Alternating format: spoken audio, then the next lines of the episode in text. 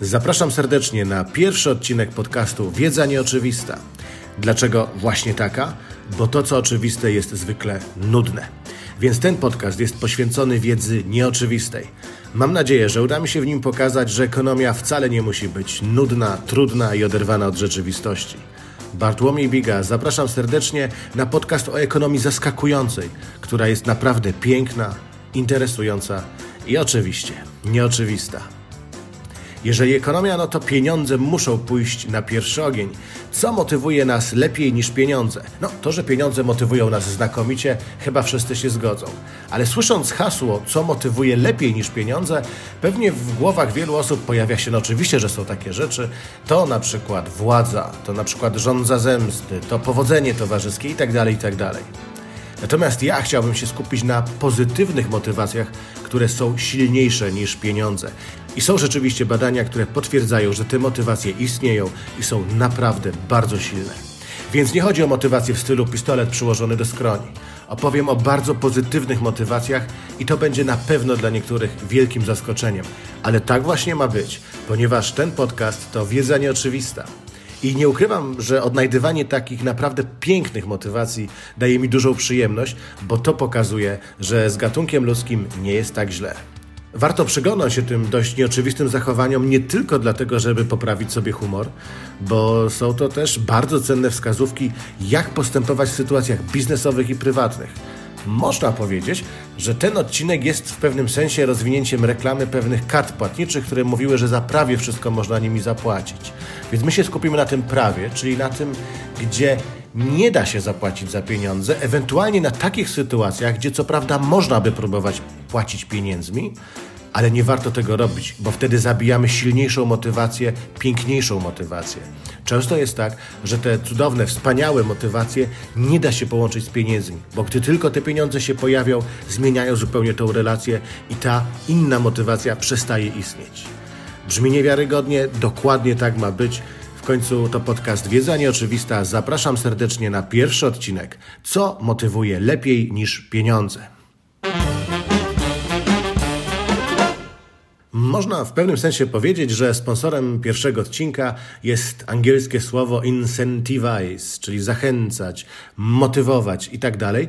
Rzeczywiście to słowo robi wielką karierę w tej chwili i w ekonomii, i w polityce, no bo cały czas skupiamy się te, na tym, jakie bodźce są dostarczone, do czego ludzie są bardziej skłonni, mniej i dlaczego. Oczywiście my jako ekonomiści nie wiemy o tym za wiele, dlatego potrzebujemy psychologów i w dużej mierze ten podcast, ten odcinek będzie bazował na tym, co ustalili psychologowie, a z czego my jako ekonomiści korzystamy, bierzemy pełnymi garściami. Więc pieniądze potrafią zabijać lepsze motywacje. Pieniędzy nie zawsze da się łączyć z motywacjami pięknymi, szlachetnymi. Zacznijmy od przykładów. Myślę, że dzięki temu wszystko stanie się o wiele bardziej jasne. Pierwszy przykład Szwajcaria i miejscowość, mam nadzieję, że dobrze przeczytam nazwę, Wolfenschiessen. To miasteczko 2100 mieszkańców, w którym postanowiono zorganizować składowisko odpadów z elektrowni atomowej. Oczywiście jesteśmy w stanie już dzisiaj te odpady składować w miarę bezpieczny, nawet w bardzo bezpieczny sposób, ale też chyba wszyscy się zgodzimy, że nikt z nas nie chciałby tego mimo wszystko mieć za blisko, nie chciałby mieć tego w swoim ogródku, w swojej miejscowości. Natomiast też musimy wiedzieć o tym, że Szwajcarzy trochę inaczej podchodzą do kwestii dobra państwa, dobra wspólnego i tak dalej, i oni są skłonni poświęcić jakiś swój dyskomfort e, po to, żeby coś dobrego dla całego kraju się stało. Energetyka jądrowa jest tam potrzebna. Naturalną rzeczą jest to, że pojawiają się pewne odpady i ta miejscowość, przeczytam jeszcze raz, Wolfenschiessen, nadawała się idealnie na to składowisko. To nie było tak, że władze uwzięły się na mieszkańcach e, właśnie Wolfenschiessen, e, tylko tam najlepsze warunki geologiczne, obiektywnie to było najlepsze miejsce do składowania tych odpadów. I zaczęto sądować tych mieszkańców, czy oni by się na to zgodzili. O wielu decyzjach, też musimy o tym pamiętać, e, wiele decyzji w Szwajcarii zapada w referendum, więc przypuszczano, że takie referendum też by się tutaj przydało i w takich pierwszych sondażach wychodziło na to, że 51% mieszkańców Wolfenschiessen zgadza się na to. Rozumie tą niedogodność, ale wie, że to jest ważne dla kraju i że trzeba po prostu się na to zgodzić w imię tego dobra wspólnego. I byłoby wszystko w porządku, gdyby na tym poprzestano, no bo wynik 51% byłby satysfakcjonujący. Natomiast pojawili się ekonomiści i politycy, którzy postanowili wzmocnić tę motywację. Powiedzieli tak, żeby nie mieć wątpliwości, że przekroczymy 50%, dodajmy też pewną zachętę finansową. To znaczy nie tylko tłumaczmy ludziom, dlaczego to jest ważne, ale dajmy im dodatkowy bodziec finansowy. I co się stało? Po wprowadzeniu tego bodźca finansowego Poparcie dla pomysłu zorganizowania tego składowiska spadło z 51% do 25%. Dla wielu ekonomistów jest to rzecz, która im się zupełnie nie mieści w głowie. No bo dlaczego, jeżeli ludzie chcieli się na to zgodzić za darmo, z dobrych pobudek, to przecież nie przekreślamy tych dobrych pobudek, dodając motywację finansową. To jest dodatkowy bodziec.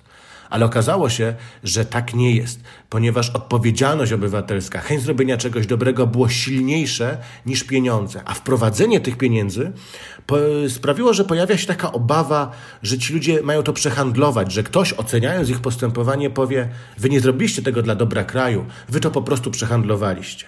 A jeżeli mieliby to przehandlować, to przypuszczam, że zażądaliby wielkiej kwoty żeby dobić do tej wysokiej motywacji, jaka była ze względu na odpowiedzialność obywatelską, potrzebowali naprawdę znacznie większych kwot niż im proponowano, mimo że, co ciekawe, tę kwotę podnoszono i w pewnym momencie zaproponowano im aż 8700 dolarów na osobę, równowartość w frankach szwajcarskich. 8700 dolarów. To nawet dla Szwajcarów już taka kwota niebagatelna, a mimo to były wciąż nie przekroczono 50%. A przypomnę, że 51% udało się osiągnąć bez żadnej motywacji finansowej, tylko tłumacząc, że to jest potrzebne, że to jest dla dobra wspólnego.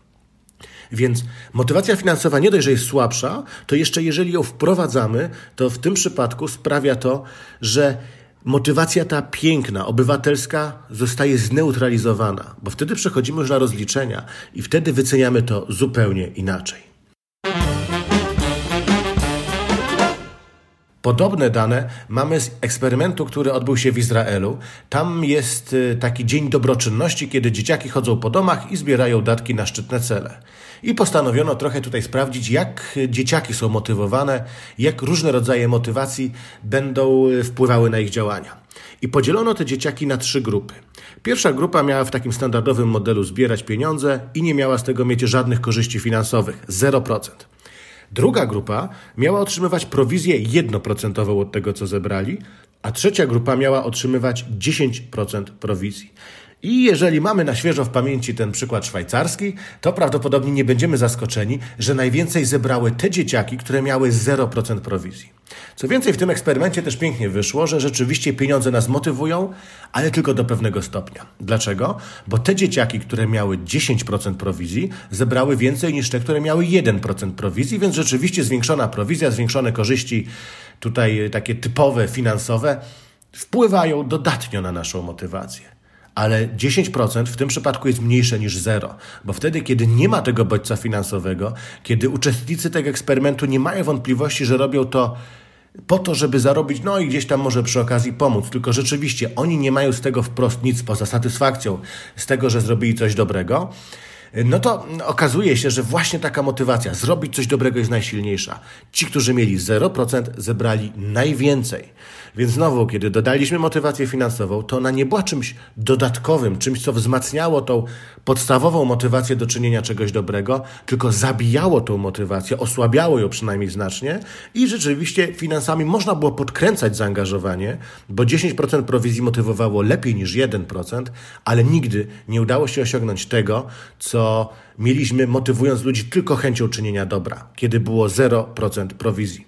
Ten eksperyment, co prawda, był wielokrotnie krytykowany, natomiast y, wydaje mi się, że nie udało się podważyć istoty tego eksperymentu, tym bardziej, że w różnych wariantach był on powtarzany. Na pewno jest to coś, co działa na wyobraźnię i ma podstawy naukowe. Takich przykładów jest znacznie więcej. W Stanach Zjednoczonych Stowarzyszenie Emerytów zwróciło się do prawników z prośbą o świadczenie pomocy na preferencyjnych warunkach. I tutaj znowu małe słowo wyjaśnienia. Stany Zjednoczone, mimo że to bogaty, piękny kraj, mm, to miejsce, gdzie jest wielu bardzo biednych emerytów. Dlaczego? Dlatego, że tam system zabezpieczenia społecznego jest zupełnie inny niż w Europie jeżeli ktoś sam nie pomyśli, nie zatroszczy się o swoją emeryturę, no to na starość ma rzeczywiście naprawdę biednie. Dlatego no, emeryci y, często nie śmierdzą groszem, mówiąc kolokwialnie, i potrzebują pomocy prawnika. Jak każdy w Stanach Zjednoczonych, w Stanach każdy potrzebuje prawnika, więc Stowarzyszenie tych Emerytów zwróciło się z prośbą o pomoc, żeby prawnicy pomagali im po preferencyjnej stawce 30 dolarów za godzinę. I znowu to jest, wydaje mi się, ciekawostka z naszej perspektywy. 30 dolarów na godzinę to stawka bardzo preferencyjna jak na standard Stanów Zjednoczonych. W Polsce też chyba lekko preferencyjna, bo większość prawników ma jednak wyższą stawkę godzinową, ale nie tak rażąco, nie tak bardzo odbiegająca od, od cen rynkowych. 30 dolarów za godzinę. I prawnicy odmówili takiej pomocy. Powiedzieli, nie, nie jesteśmy zainteresowani. Ale niedługo później emeryci zwrócili się ponownie do tych prawników z trochę inną prośbą.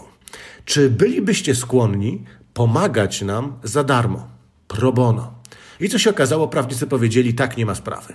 I znowu, większość ekonomistów rozkłada bezradnie swoje ręce, no bo jak to możliwe, że nie chcieli pomagać za 30 dolarów za godzinę, a chcieli za 0 dolarów? Kiedy prawnicy mieli pewność, że ktoś nie potraktuje tych usług jako promocji, jako pewnej strategii sprzedażowej, wiele godzin, więc chodzimy ze stawki godzinowej, nic nadzwyczajnego. Oni chcieli, żeby ich działanie tutaj było postrzegane jako charytatywne, jako działanie pro bono, dla dobra jakiejś grupy, w imię wyższego dobra.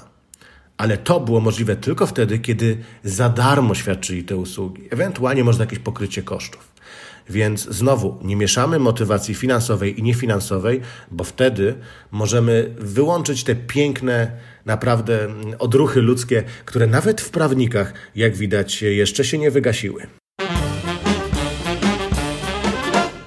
Podobne wnioski możemy wyciągnąć także wtedy, kiedy spojrzymy na różne systemy krwiodawstwa w różnych krajach bo są takie, które bazują, tak jak Polska, na systemie honorowego krwiodawstwa, gdzie nie płacimy za krew, i są takie, gdzie po prostu krew można sprzedać. Tutaj ważne zastrzeżenie, można sprzedawać tylko własną krew. I handlowanie cudzą krwią, z tego co wiem, nigdzie nie jest legalne. Ale w tych krajach, gdzie mamy system honorowego krwiodawstwa, są mniejsze niedobory krwi niż tam, gdzie za tę krew płacimy. Znów rzecz niezrozumiała dla takich, e, bym powiedział, tradycyjnie myślących ekonomistów. Pokazuje to, że ludzie bardziej są skłonni oddawać krew, jeżeli robią to niewątpliwie w imię czegoś dobrego. W Polsce co prawda jakieś tam czekolady się dostaje, ale chyba nikt nie powie, że to jest ekwiwalent tej krwi. To jest pewne podziękowanie, wzmocnienie dla tej osoby, która zdecydowała się na ten szlachetny gest. I w tych krajach, gdzie mamy właśnie honorowe krwiodawstwo, niedobory są mniejsze niż tam, gdzie płacimy za krew, jak na przykład w Stanach Zjednoczonych. I znowu ktoś mógłby powiedzieć, ale jak to możliwe? Przecież i tak dając tą krew, ktoś czyni coś dobrego. Ta krew będzie wykorzystana jako pomoc w, przy zabiegach medycznych. Ale wtedy ta motywacja jest przykryta tym, że za to płacimy. No a jeżeli mielibyśmy płacić, to pewnie żądalibyśmy bardzo wysokiej kwoty. No nasza krwawica przecież to nie może być coś, co oddajemy tanio i pętla się zamyka. Więc warto czasem rezygnować z wprowadzania tego bodźca finansowego, no bo jeżeli my już na niego przejdziemy, to, to nie będą niewielkie kwoty. Jeżeli nawet podamy bardzo wysokie, to i tak może się okazać, że nie będziemy motywować tak silnie, jak wtedy, kiedy mamy motywacje pozaekonomiczne, no ale to na pewno będzie kosztowało bardzo dużo, żeby było choć umiarkowanie skuteczne. I w tym kontekście jeszcze warto wspomnieć o jednej rzeczy. To znaczy, ludzie niekoniecznie rozróżniają kwestie kary i opłaty tak, jakbyśmy sobie tego życzyli. No bo czym różni się kara od opłaty? W zasadzie można by powiedzieć, że kara poza tym, że ma nas uderzyć jakoś po kieszeni, ma być takim moralnym napiętnowaniem. Ma w jakimś negatywnym świetle nastawiać. Ma sprawiać, że poczujemy dyskomfort przez to, że zostaliśmy ukarani. Przy opłacie tego nie ma. Tam kupuję coś, płacę za coś i uważam, że mi się to opłaca. I były różne mm, obserwacje na ten temat, że to, że coś nazwiemy karą, no to nie zawsze będzie tak odbierane przez tych, których chcemy ukarać. Czasami bardzo szybko te osoby przejdą na myślenie o tym jako o opłacie i cały nasz system motywacyjny wtedy pójdzie w diabły. Jak to było w Paryżu? W Paryżu powstało coś naprawdę ciekawego, mianowicie pewne stowarzyszenie gapowiczów, którzy stworzyli własny system ubezpieczeniowy. O co chodzi? W Paryżu, wtedy, kiedy działało to stowarzyszenie, pojedynczy przejazd metrem kosztował 2 euro. Bilet miesięczny 74 euro. Ale gdyby kogoś złapano jak jedzie na gapę, to wtedy mandat wynosi 60 euro. Stosunkowo niewiele, no bo skoro bilet miesięczny 74, to 60 euro to nie jest wysoka kara. No i co więcej, zauważono, że ryzyko kontroli, ryzyko wpadki nie jest takie duże. I część kapowiczów stworzyło właśnie system ubezpieczeniowy. Składali się oni po 8,5 euro miesięcznie, czyli patrząc na cenę y, biletu miesięcznego, naprawdę niewielka część tego, zamiast 74 euro tylko 8,5. I z tego pokrywano kary y, osób, które zostały złapane za jazdę bez biletu. Jak się okazało, to było dobrze skalkulowane. 8,5 euro y, od wszystkich uczestników tej gry wystarczało, żeby pokrywać te straty, które ponoszą ci, którzy akurat mieli pecha. Oni oczywiście twierdzili, że nie chcą oszukiwać, że tylko ideologicznie walczą o darmową komunikację publiczną, ale to pokazało, że karę, jaką nakłada Kanar za jazdę bez biletu, oni nie traktowali właśnie jako karę. Oni traktowali to jako opłatę. Jako kolejną opłatę nie 2 euro za jeden bilet, nie 74 za miesięczne, ale po prostu 60 pewnej opłaty. I co więcej, okazało się, że tą opłatą można dobrze zarządzić, można to ryzyko przez system ubezpieczeniowy rozłożyć i już nie ma tego problemu. Zatem nie zadziałało ten mechanizm, że ktoś ma się czuć piętnowany. Ci ludzie wręcz czuli się dumni, że tak sprytnie obchodzą system, który według nich jest niesprawiedliwy, bo uważają, że niesprawiedliwe jest w ogóle pobieranie opłat za transport publiczny, za komunikację miejską. I to pokazuje, że ciężko, żeby kara zadziałała, jeżeli ona nie jest wygórowana. Dlatego tak bardzo nie lubię polskiego systemu mandatowego, bo tutaj wysokość mandatu zależy tylko od czynu, a nic nam nie mówi, nie bierze się w ogóle pod uwagę samej osoby sprawcy, jego majętności, jego zdolności zarobkowych. Ale nie wszędzie tak jest. W Polsce, jeżeli ktoś dostaje 500 zł mandatu, no to tak, dla jednego to będzie godzina praca, dla drugiego tygodniowa wypłata. I nikt mi nie powie, że oni będą tak samo ukarani, że oni będą czuli się tak samo surowo ukarani. Oczywiście w Polsce próbuje się zachować, żeby mandaty były traktowane jednak jako kara, przez to, że mamy punkty karne. Ale to jest trochę kulawe rozwiązanie, no bo da się z tego trochę wywinąć, chociażby w przypadku zdjęcia z fotoradaru. Można powiedzieć, że nie wiemy, kto prowadził, no i wtedy nie będą nikomu nałożone punkty karne, ale będzie podniesiona opłata karna, podniesiony mandat. Więc przy pomocy pieniędzy można w pewnym sensie wykupić się z tych punktów karnych.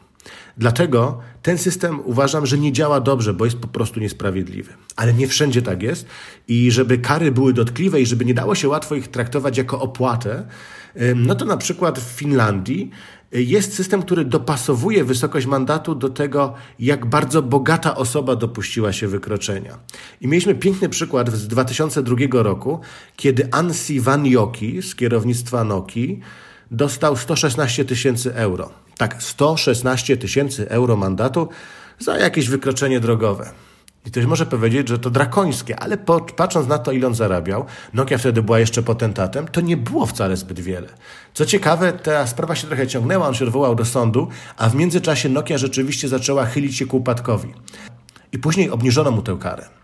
116 tysięcy euro, później obniżone, kwota zawrotna. Ale w 2003 roku Jussi Salanoja, syn magnata z branży wędliniarskiej, zapłacił 170 tysięcy euro. Tak, tak, to nie jest żadne przejęzyczenie, nie pomyłka. 170 tysięcy euro za to, że na terenie, gdzie ograniczenie prędkości wynosiło 40 km na godzinę, on pędził 80 km na godzinę. Wykroczenie niby spore, ale 170 tysięcy euro to w Polsce nawet trudno dostać taką grzywnę za ważną sprawę karną.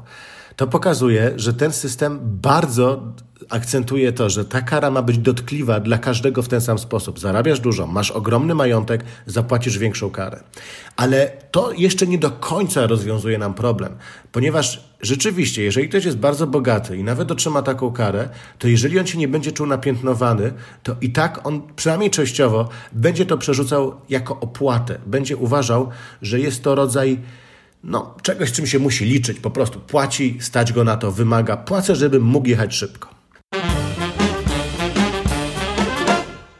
Również zaskakujące, nieoczywiste dane y, płyną do nas z przedszkoli, które mają problem z tym, że rodzice spóźniają się po odbiór swoich dzieciaków. Podobno jest to bardzo powszechna rzecz, y, która no, dezorganizuje pracę i dla przedszkolanek jest czymś bardzo, bardzo uciążliwym. I w wielu przedszkolach postanowiono wprowadzić karę. Jeżeli rodzice nie odbiorą dzieciaków do umówionej godziny, czyli na przykład do 18, to za każdą kolejną rozpoczętą muszą płacić, powiedzmy dość sporo, 50 zł za każdą rozpoczętą godzinę. Wcześniej nie działały takie sposoby apelowania do tych rodziców, e, jeżeli dzieci wasze nie zostaną odebrane do 18, to sprzedamy je do cyrku. Wręcz niektórych zniesmaczały tego typu żarty, więc po prostu postanowiono zwykły bodziec finansowy. Spóźniasz się, płacisz. I co się okazało? Po wprowadzeniu tych kar liczba rodziców spóźniających się po odbiór swoich dzieci wzrosła. Ale jeżeli przyjrzymy się motywacjom rodziców, to chyba to zrozumiemy. Kiedy nie było tej kary, którą rodzice, jak się okazuje, potraktowali jako opłatę, to oni biegli na łeb na szyję, byle zdążyć, byle dostosować się do normy, którą zaakceptowali. Umówiliśmy się, że odbieramy do 18, żeby nie robić problemów przedszkolankom i tak dalej, i tak. Natomiast, kiedy pojawiła się kara, to oni potraktowali to tak naprawdę jako opłatę, to znaczy, no ale ja płacę, w czym problem? I to jest, co ciekawe, dość wysoka opłata, no bo za znacznie mniej niż za 50 zł za godzinę można mieć normalnie opiekunkę dla dziecka. Więc y, rodzice uznają, no jest opłata i to wysoka, więc już podobno w takich sytuacjach znacznie rzadziej pojawiało się słowo przepraszam, dziękuję. W ogóle nie zastanawiano się, czy rzeczywiście te pieniądze trafią do tych przedszkolanek, czy to idzie na jakiś ogólny fundusz przedszkola. Wprowadzenie tej opłaty, bo to, tak trzeba to nazwać, nie kary, opłaty sprawiło, że więcej rodziców się zaczęło spóźniać. No i to nam powinno dać do myślenia, bo być może to się dla przedszkola opłaca, są dodatkowe środki, w czym problem? Ale jeżeli byśmy analizowali to pod tym kątem, na ile skuteczne jest wprowadzenie takiej kary czy opłaty, no to tutaj to było przeciwskuteczne, bo zamiast zmniejszyć liczbę rodziców, którzy się spóźniają, zwiększyła się ta liczba. Rzecz znowu, której ekonomiści bez pomocy psychologów nie byliby w stanie zrozumieć. Czyli podsumowując, to, że wprowadzamy pieniądze do jakiejś relacji, zupełnie zmienia cały system motywacyjny. To nie jest tak, że możemy sobie dodać pieniądze i te pieniądze tylko wzmocnią jakąś pozytywną, moralną motywację. Często będzie tak, że wprowadzenie jakiegokolwiek bodźca finansowego zabije utrudni wykorzystywanie tych pięknych motywacji, na które, jak już mówiłem, trzeba chuchać, dmuchać i troszczyć się o nie, bo one są bardzo potrzebne w społeczeństwie.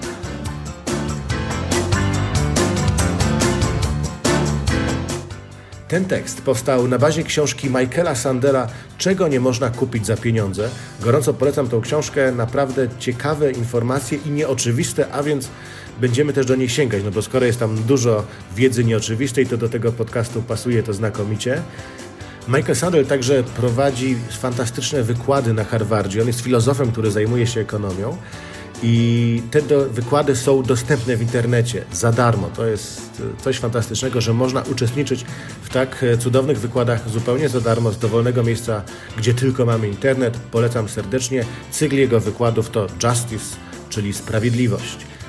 E, więcej informacji, notatki do tego podcastu znajdziesz na mojej stronie internetowej bartlomiejbiga.pl przez 001, bo to pierwszy odcinek podcastu. Tam e, streszczenie, najważniejsze punkty, kilka linków, e, trochę informacji o tych cytowanych materiałach. Więcej informacji o podcaście i o innych moich działalnościach na bartlomiejbiga.pl. Zachęcam gorąco do odwiedzania, do subskrybowania, komentowania, polecania, ale przede wszystkim zapraszam serdecznie na kolejne odcinki podcastu o tym, co w ekonomii najpiękniejsze. I mam nadzieję, że interesujące, bo wiedza nieoczywista jest interesująca, a ekonomia może być naprawdę piękna. Do usłyszenia.